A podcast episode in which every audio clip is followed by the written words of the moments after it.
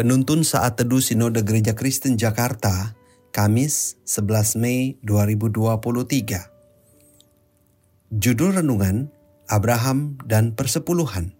Nats Alkitab terambil dari Kejadian 14 ayat 17 sampai 20. Setelah Abram kembali dari mengalahkan Kedor Laomer dan para raja yang bersama-sama dengan dia, maka keluarlah Raja Sodom menyongsong dia ke lembah Syawe yakni lembah raja.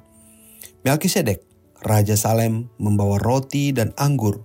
Ia seorang imam Allah yang maha tinggi.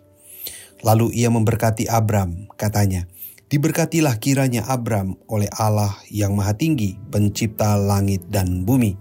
Dan terpujilah Allah yang maha tinggi, yang telah menyerahkan musuhmu ke tanganmu.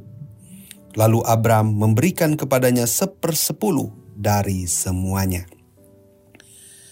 Saya sering mendengar orang bertanya, apakah persepuluhan itu masih berlaku atau tidak?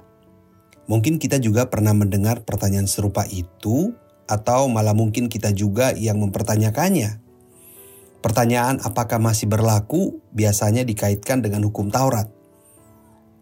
Beberapa orang mengatakan atau menyatakan bahwa hukum Taurat yang masih berlaku hingga kini adalah 10 hukum moral. Hukum Taurat yang berkaitan dengan aturan kehidupan masyarakat tidak berlaku kepada orang percaya di luar Yudaisme. Hukum Taurat yang berkaitan dengan tata laksana peribadatan yang di dalamnya ada perintah tentang persepuluhan sudah tidak berlaku di saat ini. Semenjak bait Allah runtuh, maka sejak saat itu semua tata cara dan administrasi bait Allah berhenti. Jadi bagaimana kita memahami hal ini? Nas kita hari ini menunjukkan bagaimana Abraham memberikan persepuluhan dari hasil perangnya kepada Melkisedek. Ada penafsir yang menyimpulkan bahwa inti dari nas di atas tidak berbicara tentang persepuluhan, tetapi tentang Melkisedek. Meski hal ini dapat diterima, tapi saya ingin melihatnya dari sisi bagaimana hal memberi persepuluhan telah ada jauh sebelum hukum Taurat diturunkan.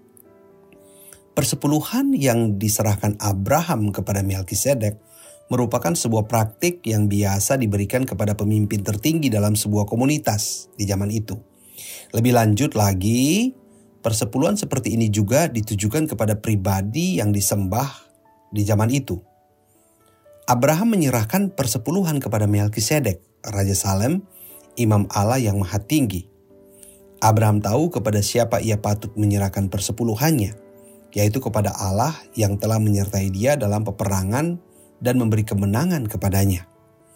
Abraham tahu menghargai Allah penciptanya tanpa disuruh-suruh dan tanpa ditentukan oleh aturan hukum. Ia mengembalikan 10% dari hasil rampasan perangnya sebagai tanda penaklukan dirinya kepada pribadi tertinggi, Tuhan pencipta langit bumi dan segala yang Abraham miliki. Saudara-saudara, Pertanyaan apakah persepuluhan itu masih berlaku atau tidak adalah pertanyaan yang penuh dengan hitung-hitungan kepada sang pencipta. Sesungguhnya saat dijawab masih berlaku, maka pertanyaan berikut akan muncul.